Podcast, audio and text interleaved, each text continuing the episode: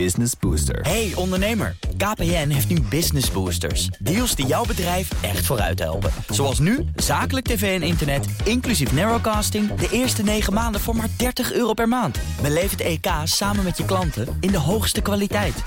Kijk op kpn.com slash businessbooster. Business Booster. De BNR Techniek Tour wordt mede mogelijk gemaakt door Techniek Nederland. De makers van morgen. BNR Nieuwsradio. De Techniek Tour. Carlijn Meinders. Het is groen, fietsen. Ja, ja, het wordt gewoon groen. We rijden niet voor niks met een fiets uit. Je hoorde het al. Ik begin dit keer na maanden opnemen op mijn zolderkamer... eindelijk weer eens in de frisse lucht. Op de fiets, om precies te zijn. Maar daar blijft het niet bij in deze aflevering over verkeer.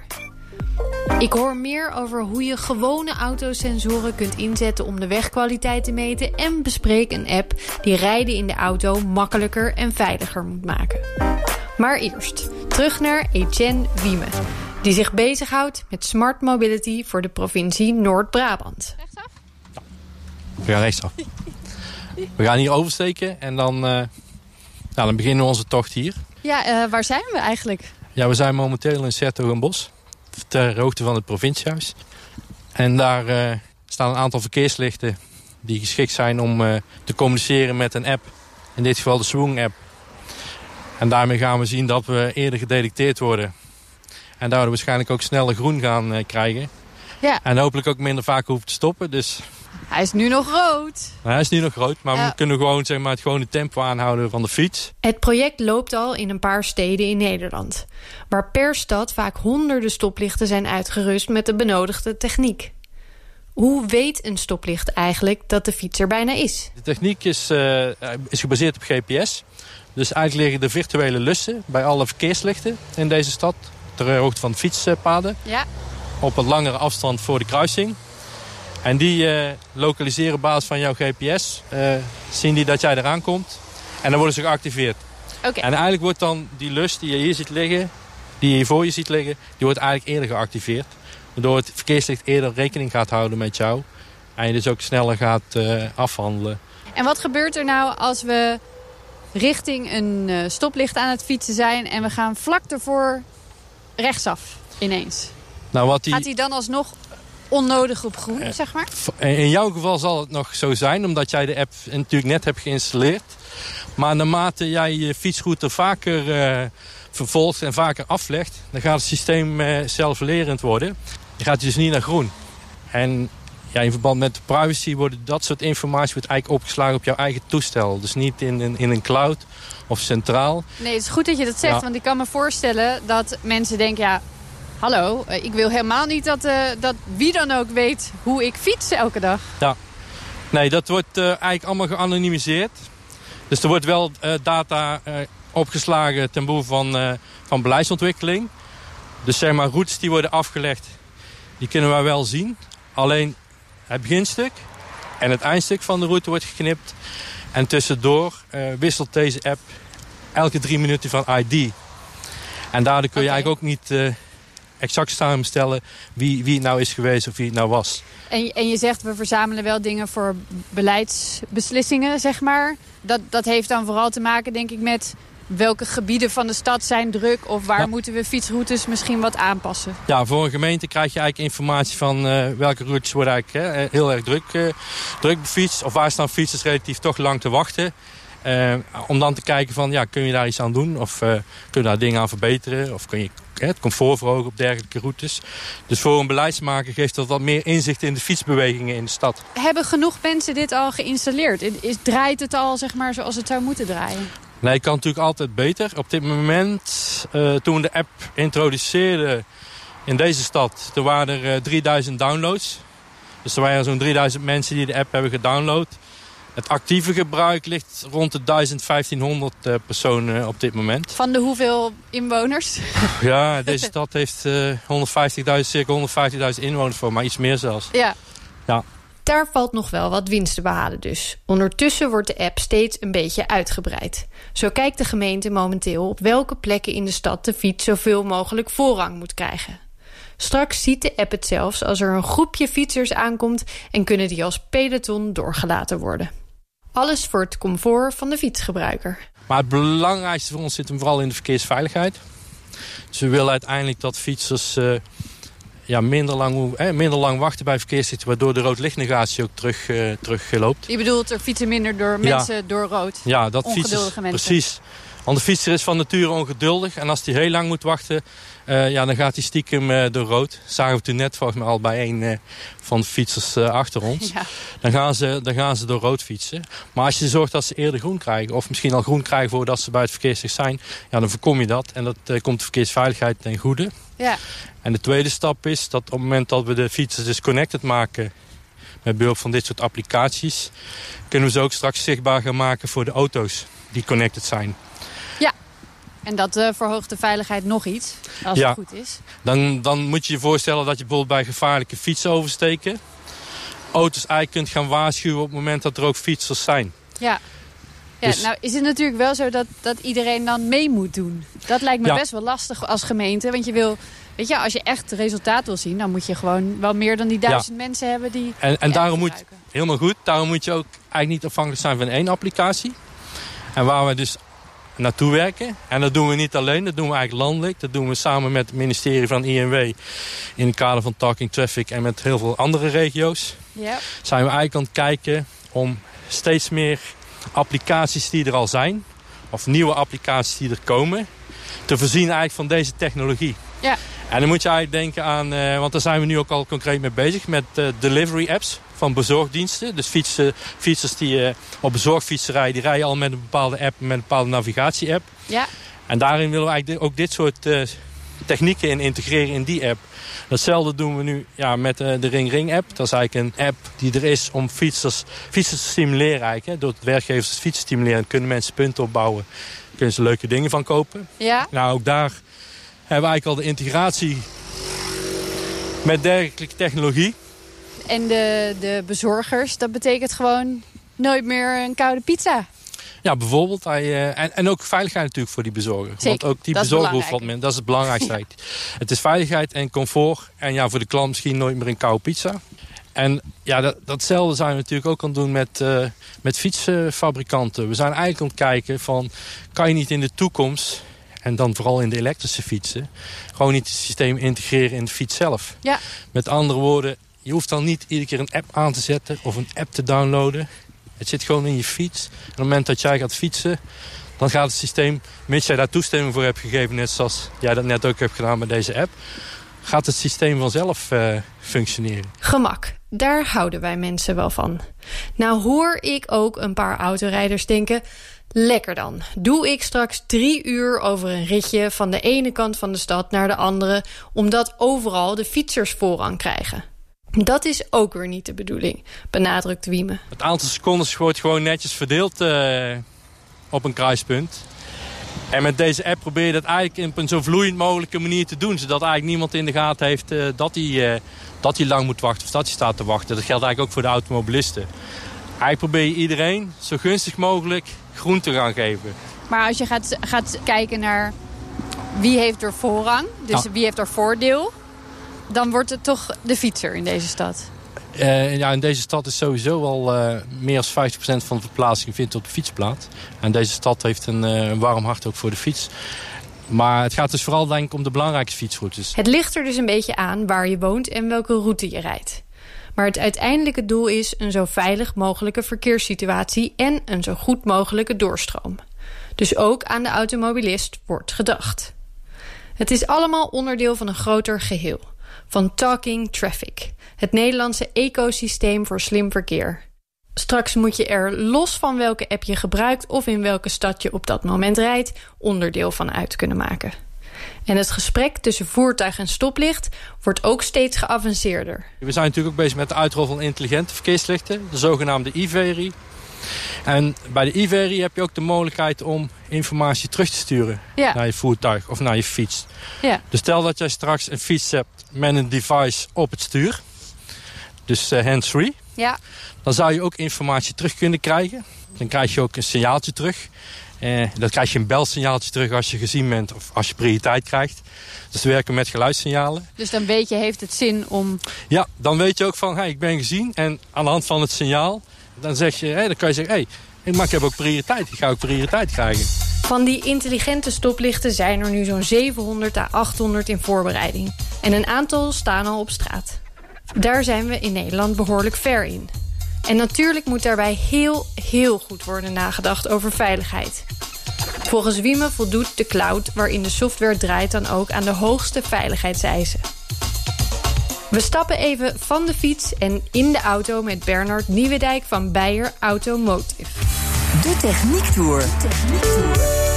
Wat wij eigenlijk doen, wij uh, leveren informatie aan um, uh, over, de, over de kwaliteit van het wegdek. Uh, defect aan het wegdek en hoe zich dat ontwikkelt. En dat leveren eigenlijk aan iedereen ja, die iets met die weg te maken heeft. Hè. Dus de eigenaar van de weg, de wegbeheerder, de, de onderhoudsaannemer die daarmee aan de slag gaat.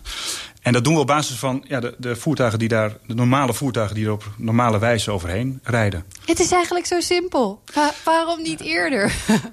Nou ja, uh, uh, of valt het ik, toch een beetje ik, tegen? Ik probeer het heel simpel uit te leggen, maar er zijn natuurlijk echt wel een paar stappen voor nodig ja. om dat voor elkaar uh, te maken. en eigenlijk zijn de stappen, als je die zo achterin volgen ziet, is dat.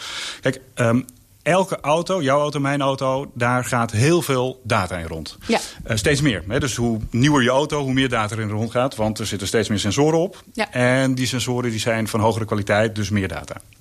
En die data is nodig om je veilig en comfortabel te laten rijden. Want, want wat zijn voorbeelden van dingen die gemeten worden in de gemiddelde auto nu? Nou, er wordt uh, bijvoorbeeld continu gemeten uh, uh, hoe hard je vier afzonderlijke wielen draaien. En als daar een krachtsverschil tussen zit, dan denkt je auto van... hé, hey, dat gaat niet helemaal goed, misschien slipt er wel iets door. Ik moet er heel goed op letten en ik moet die krachten anders verdelen. Ja. ja dat is wat je, wat je uh, de boordcomputer van je auto doet. Nou, dat zijn voor de, voorbeelden om ervoor te zorgen dat jij veilig over de weg gaat. Wat je daar eigenlijk bij op moet tellen, tenminste voor ons uh, business... is dat een heel groot deel van de auto's die op de weg rijden... daar zit ook iets ingebouwd achteraf. Dus dan moet je denken aan uh, een taximeters die achteraf ingebouwd zijn... of uh, nooddiensten die met uh, ingebouwde apparatuur rondrijden... of busjes van een aannemersbedrijf... Waarbij een planner wil weten van waar zijn mijn mensen... zodat ik ze handig kan plannen. En hoe zorg ik ervoor dat ze veilig en zuinig rijden? Die ingebouwde systemen werken alleen als ze kunnen praten met een voertuig. Ze hebben al die data nodig die daarin wordt verzameld. En precies dat is waar ze bij Beyer Automotive goed in zijn. Ze zijn als het ware de tolk tussen elk soort kastje en elk soort automodel. Eigenlijk alle merken en alle types en soms zelfs alle bouwjaren van de auto's... die uh, hebben een ander communicatieprotocol aan boord. He, dus die, die spreken allemaal een andere taal. Ja. Nou, en de crux van onze business is dat wij een soort uh, algehele vertaaltabel hebben, zou je kunnen zeggen. Dus onze software die zit uh, in die toepassingen die ingebouwd worden. Alle taximeters, uh, of een groot deel van alle taximeters, daar zitten wij bij in. Uh, heel veel fleet management systemen, daar zitten wij bij in. En wat we vervolgens gezegd hebben, van ja, als die auto's toch al rondrijden... en er wordt al data gebruikt om die, die devices goed te laten werken... die devices zijn connected, hè, dus er gaat een stroom naar, naar internet...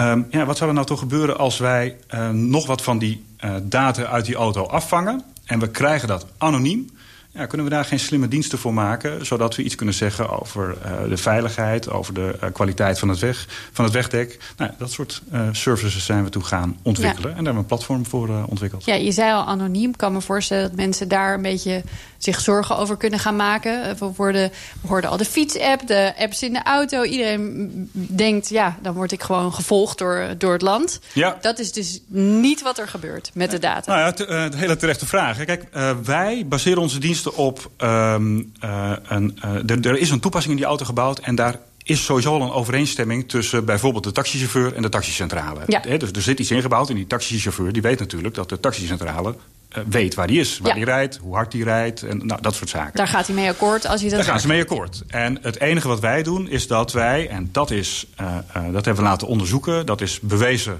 uh, anoniem, krijgen wij zeg maar data van nou, de, taximeterbouwer. Hè. Dus daar krijgen wij de data van. En daar zit een, scheids, een, een filter tussen, zodat wij het bewezen anoniem krijgen. Dus wij kunnen de data die we binnenkrijgen, die kunnen we uh, nooit terugherleiden tot een voertuig, laat staan uh, tot een bestuurder. En wie zijn er allemaal gebaat bij het verzamelen van deze data?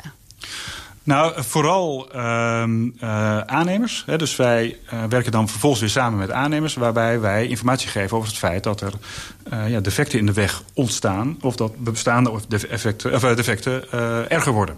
Ja. Bijvoorbeeld omdat het kouder wordt. En dan zie je dat, dat die auto's rijden daar continu overheen. En we hebben continu stroom van data. En normaal gesproken gaat dan natuurlijk een aannemer... die, nou, die gaat kijken, wat is er dan? Dat moet hij nu misschien ook nog wel doen... maar dat kan hij veel gerichter gaan doen. Ja, dus dat is de ene kant. Dus de aannemer die krijgt gewoon continu data van, uh, informatie over van waar is iets uh, los, waar moet ik naartoe. En wat voor informatie is dat dan wat hij binnenkrijgt? Dus wat, wat op dat gebied, wat verzamel je dan allemaal? Nou ja, er zijn uh, bijvoorbeeld alerts over waar een scheur is... die zich dusdanig ontwikkelt dat hij er naartoe moet om te gaan repareren. En dat kan een auto detecteren? Ja. Uh, kijk, als jij over, uh, zo moet je het zien... Hè, als je met je auto rijdt en je rijdt over een richel, dan voel je dat. Nou, de, de, je auto voelt nog iets meer dan jij voelt... Hè, want er is heel veel uitgefilterd door viering en et cetera. En eigenlijk het meest basale niveau van wat die auto allemaal op de weg tegenkomt... ja, dat vangen wij af. Nou, daar hebben we een slim filter voor ontwikkeld. Uh, wat zegt van, hé, hey, daar is iets aan de hand. Uh, daar is een, een defect aan de weg uh, ontstaan. Dus je zou eigenlijk zelfs een flink steentje op de weg kunnen ja. detecteren? Ja. ja, dat zijn dingen die we wel nu, nu zien. En we zijn nu in het stadium dat wij terug kunnen herleiden van... kijk eens, daar is iets aan de weg. En de vervolgstap, eigenlijk waar we nu mee bezig zijn... en dat kunnen we met handmatige analyses wel... maar zijn we nu aan het automatiseren... dat we ook de verschillende type schades herkennen. Ja, en als je ervan uitgaat dat niet dezelfde auto elke dag over die scheur rijdt... dan moet je dus ook van zoveel mogelijk verschillende Juist. voertuigen die informatie hebben. Ja, ja, dat is correct. We hebben nu toegang tot uh, 50.000 auto's. Uh, die staan niet allemaal, uh, tussen aanhalingstekens, staan aan. Hè, dus al die sensoren staan niet allemaal aan. Ja. Maar we hebben wel toegang toe om die uh, data binnen te krijgen. Dat zijn er al heel wat. De vloot bestaat nu nog vooral uit taxis en aannemersbusjes. Want zomaar gaan meten in een personenauto, dat kan natuurlijk niet. Toch rijdt een taxi al snel zo'n 60.000 kilometer per jaar. Dus dan kun je aardig wat wegdek controleren. Hetzelfde geldt voor aannemersbusjes. Ook die komen overal. Maar helemaal mooi zou het zijn voor deze toepassing als heel Nederland meedeed. En dan worden er ook ineens nog meer dingen mogelijk. Wij uh, werken aan de ene kant heel hard aan nieuwe slimme filters. En aan de andere kant werken we heel hard aan het uitbreiden van de aangesloten vloot. Want we willen zo goed mogelijke dekking hebben. Ja. Um, en als je nadenkt over diensten dat je nu acuut wil weten... waar is het nu glad, hè, dat zou kunnen. Maar dan moet je natuurlijk een hele grote vloot aangesloten hebben. Want je wil niet alleen weten... Uh, op de A12 uh, om 9 uur s ochtends in de file waar is het glad. Want ja, daar rijden voldoende auto's. Maar je wilt het ook om 5 uur s ochtends bij uh, Bolzwart weten. Ja, op een N-weg ergens. Precies. Ja. En, dus daar moet je een hele grote aangesloten vloot voor hebben. En die vraag wordt vaak gesteld, maar niemand weet het antwoord op de vraag van hoe groot moet die vloot dan precies zijn. Het zou fijn zijn om dat te weten, maar goed, dat, dat moet dan dus de praktijk uitwijzen. Denk ja, ik. kijk, en uiteindelijk hoop ik wel dat we daar naartoe groeien. Uh, maar we groeien daar uh, naartoe door uh, ons nu te focussen op diensten die niet per se een 24-7 ja, accuratesse nodig hebben. Hè. De, of je de, de kwaliteit van de weg, dat hoef je niet per se uh, tot op seconde nauwkeurig nu te weten een melding. Er is nu een schade aan de weg. Nee. Dit, dit is een schade. Die, als je dat één keer per dag of één keer per week weet, is dat meer dan genoeg. Dus we focussen ons op die diensten. Nou, dan hoop ik dat we uiteindelijk groeien naar uit, waar jij het net over, uh, over ja. hebt. En je noemde al even hoe glad is de weg. Zijn er nog meer voorbeelden van dingen die je dan zou kunnen gaan meten? Die nu dan nog niet lukken? Nou, we, we focussen nu echt wel op uh, services als je het hebt over de kwaliteit van de infra. Ja. He, dus uh, wat is er op de weg, wat is er aan de weg? En, en daar focussen we echt uh, vooral op. Dus uh, nou ja, de defecten of obstakels aan de weg. Maar goed, als wij nu met z'n tweeën over na gaan denken... en dat, we doen wel iets meer dan denken, dat, daar onderzoeken we ook al het een en ander aan... dan kun je natuurlijk ook heel wat toepassingen bedenken op het gebied van veiligheid. He, dus gladheid, maar ook zaken als... Um, of een bestuurder misschien wel afgeleid is...